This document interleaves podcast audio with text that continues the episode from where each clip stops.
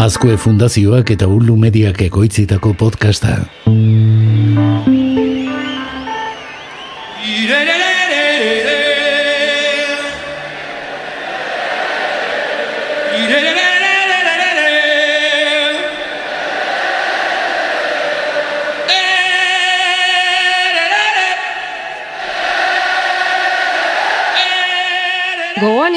Izango duzuenez, aurreko saioan ikaskuntzaren pertsonalizazioa zizketan aritu ginen.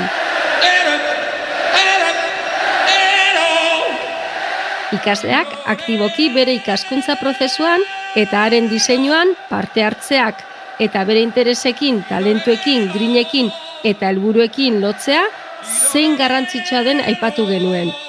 Izan ere, ikerketa ugari daude ikaskuntza pertsonalizatuak ekar ditzaken onuren inguruan.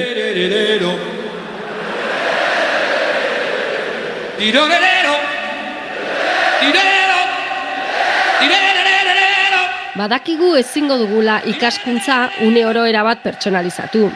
Baina ziur ikasturtean zehar topatuko dugula tarte bat edo gehiago horretarako. Gaurko saioan helburu hori posible egiteko baliabide eta modu gehiago ezagutuko ditugu. Fuck you.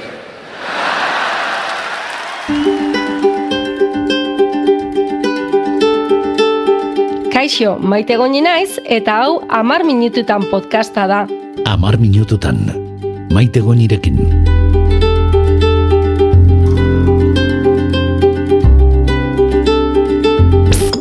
Eta ni oier arantzabal naiz, egun hon, maite? E, no, no, hier baintxe esan behar nizun, hori. Zimo dana?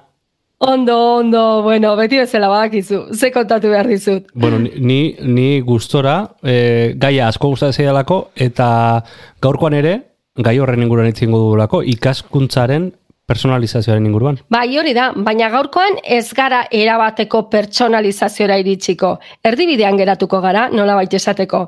Ikaskuntza desberdintzera iritsiko gara. Ah, ondo, eta nola da hori? Ba, begira, ikasketa mota honetan, irakasleak aukera ezberdinak ematen ditu eta ikasleak hautatu egin behar du hoien artean, bere ikasteko moduarekin gehien egokitzen diren aukerak hautatzen ditu edo. Beraz, ez da genius hauer bezain librea, ikasleak nahi duena ikasten du, nahi duena hautatzen du eta bar, baina ez da denek berdina egiten duten metodo klasikoak bezain itxia. Tira, uste dut, ondo ulertu dudala.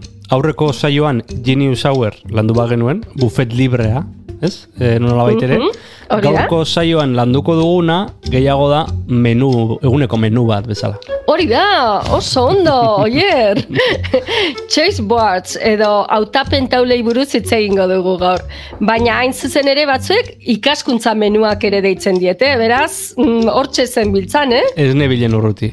Ez, ez, ez. Bueno, ba, ikus dezagun, txefak gaurkoan zer prestatu digun. Guazen. Ikaskuntza menuak zer diren labur esaten saiatuko naiz.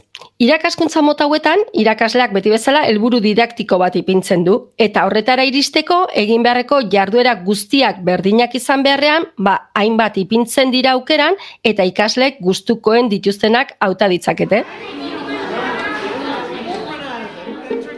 Adibidez, kontzeptu edo azalpen bat ulertzeko, denei testu bat irakurrarazi ordez, ba, bideo bat, audio bat, prentsako artikulu bat eman diezaiekegu.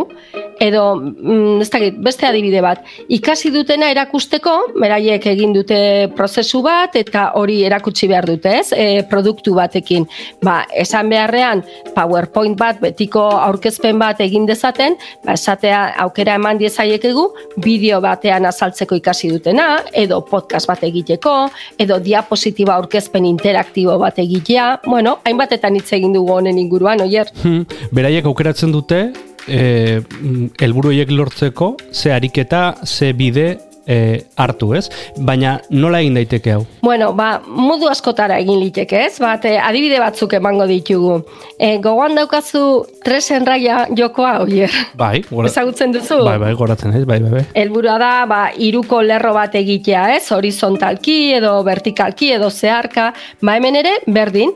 Imaginatu, behatzi lauzako taula bat sortzen dugu, eta eskatzen diegu ikaslei hiru egin behar dituztela, hiru hiruko lerro hori Mhm. osatu behar dutela, nahi duten bezala, horizontalean, vertikalean eta bar. Eta adibidez ipin dezakegu erdiko jarduera denentzat berdina, derrigorrezko jarduera bat egin behar dutela. Eta hortik aurrera, ba, ikasleak hauta ditzake, ea ezkerreko eta eskuineko jarduerak egin nahi dituen, e, tresen raia hori lortzeko, edo nagusitik abiatuta beko edo goiko jarduerak egingo dituen, bueno, badakizu, eta askotan aipatu dugu ez, e, ikertuta dagoela, ikasle batek bere ikaskuntza prozesuan parte hartzen bali badu, ba, implikazioa erantzukizuna eta askotan motivazioak ba, gora egiten duela. Tira, eh, aipatu dugu nola egin daiteken, baina teknopedagogia den ez hau, mm, nola egin daiteke digitalki. Hori da. oso ondo. Bai, ba, e, hau oso simplea da. Tek, e, digitalki egiteko, ba, simplea da. Ez beharko dugu dokumentu kolaboratibo bat. E, eta gero ikaslei helarazi kopia bana, ez, dokumentu horretan. Konpartituko dugu irakasleak eta ikasleak. Eta izan liteke, ba, Nextcloud dokumentu bat, edo Google dokumentua, edo ikastetxe bakoitzean erabiltzen dan sistemarekin. Orduan, dokumentu horretan taula bat egingo dugu.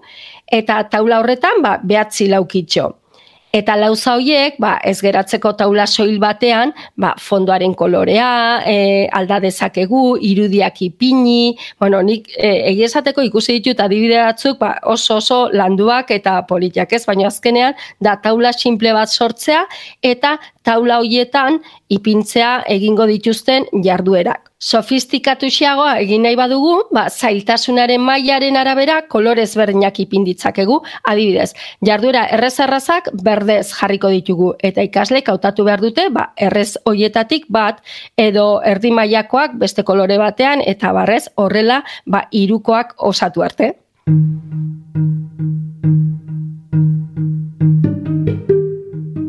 Tira, menu oso goxoa prestatu duzu, maite, e, gusturo jandu ni behintzat.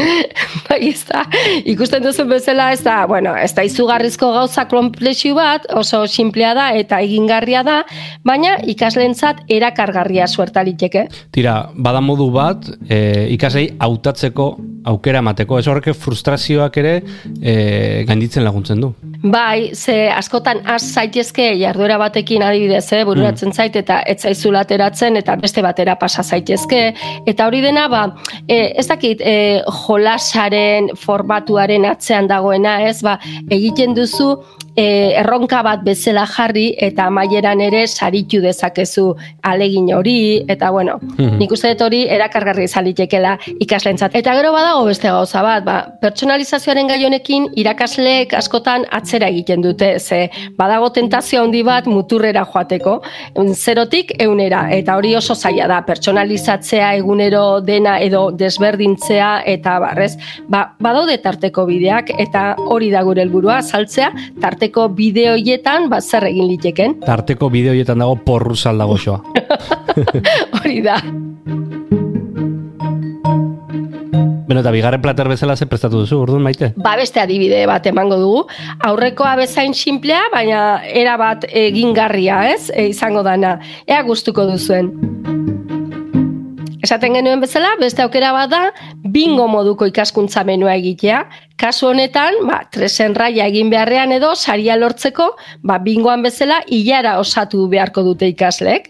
Eta nola diseinatzen dugu hori, ba, prozesua berdina izango da, taula bat eta bar, baina izan beharren bederatzi laukitxorekin, ba, iru lau edo bost hilarako taula bat egin, eta bakoitzean iru lau bost e, ba, zutabe. Eta hilara batzuetan egin dezakeguna da jolastu pixka bat, ba, libre utzi lauza batzuk, eta orduan ba, egin beharren bost jarduera ikasle joko dute ba, laukoa dagoenean, ez? Komodin bat bezala utz dezakegu, eta guk ere trampa egin dezakegu, ba, lau hoiek dauden en, hilara hoietan, ba, zailtxegoak ipini eta horrelakoekin jolas dezakegu.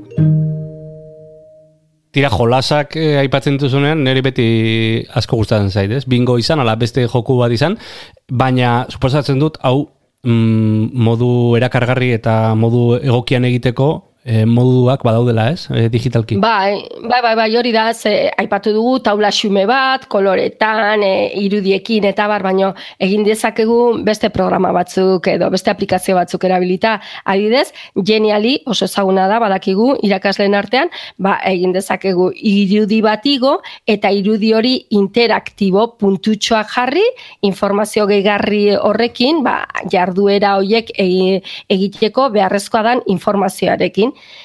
E, ez dakit, e, egin dezakegu beste formatu askotan, eh? esaten duguna, eta aplikazio pila batekin, baino atzean dagoen idea oso simplea da, aukerak ematea ikaslei. Eta gero gogoratu behar dugu, ba, jarduere zari garela, ba, gaiaren arabera jarduera erakargarriak proposa ditzakegula. Ez dala bakarrik formatua nola eman edo zer egin behar duten, baizik eskatzen dieguna ere erakargarri izan dadin, ba, denbora lerro bat, egitea proposatza daukagu, edo komiki bat, edo egunkari edo aldizkari bat, burumapa bat, poema edo abesti bat, elkarrizketa bat, eguneroko bat, book trailer bat, joko bat, aplikazio bat diseina dezakete, iragarki bat edo kanpaina bat zerbaiteren alde, irude diseinu bat, oier ikusten duzu, ez dauka mugarik, ez? Ez dauka amaierarik. Hori da.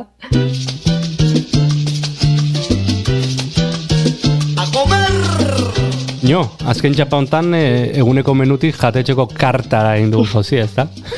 Haze aukera pila. bai, bai, baina e, komeni dago goratzea, ez? Beti eskatzen ditugula normalean gauza berdintxuak eta aukera asko daude izugarri, baina egin errazak dira, ia denak, ez? En benetan. Bai, e, gainera hoi bezala, adibideak, txantiloiak, estekak, e, errezeta denak alegia, jendearen eskura utziko ditugu harretan, ez da? Bai, bai, hori da, beti bezala emango ditugu txantilloiak, kopiak egin ditzazuen, eta horrela, askoz ere hobeto ulertuko duzue zertaz ari garen, ze askotan, ba, hitzekin azaltzea horrelako kontuak, ba, ez da, ez da inerresa.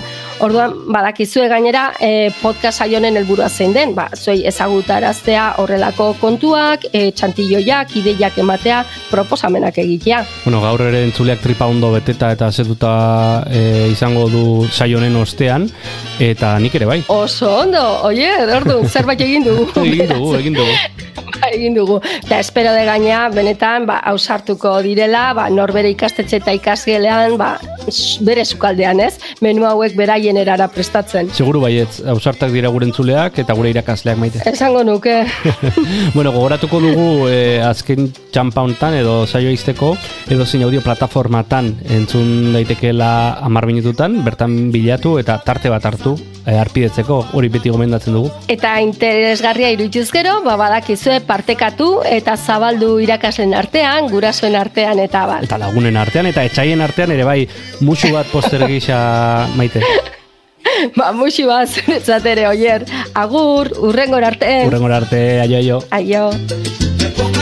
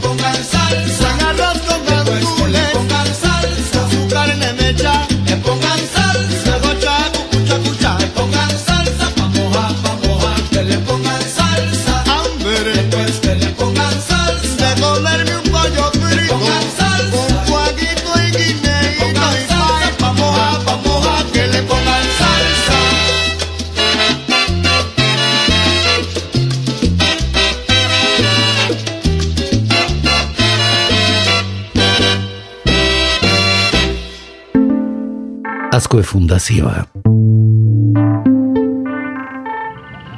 Ei, txt, entzun hori.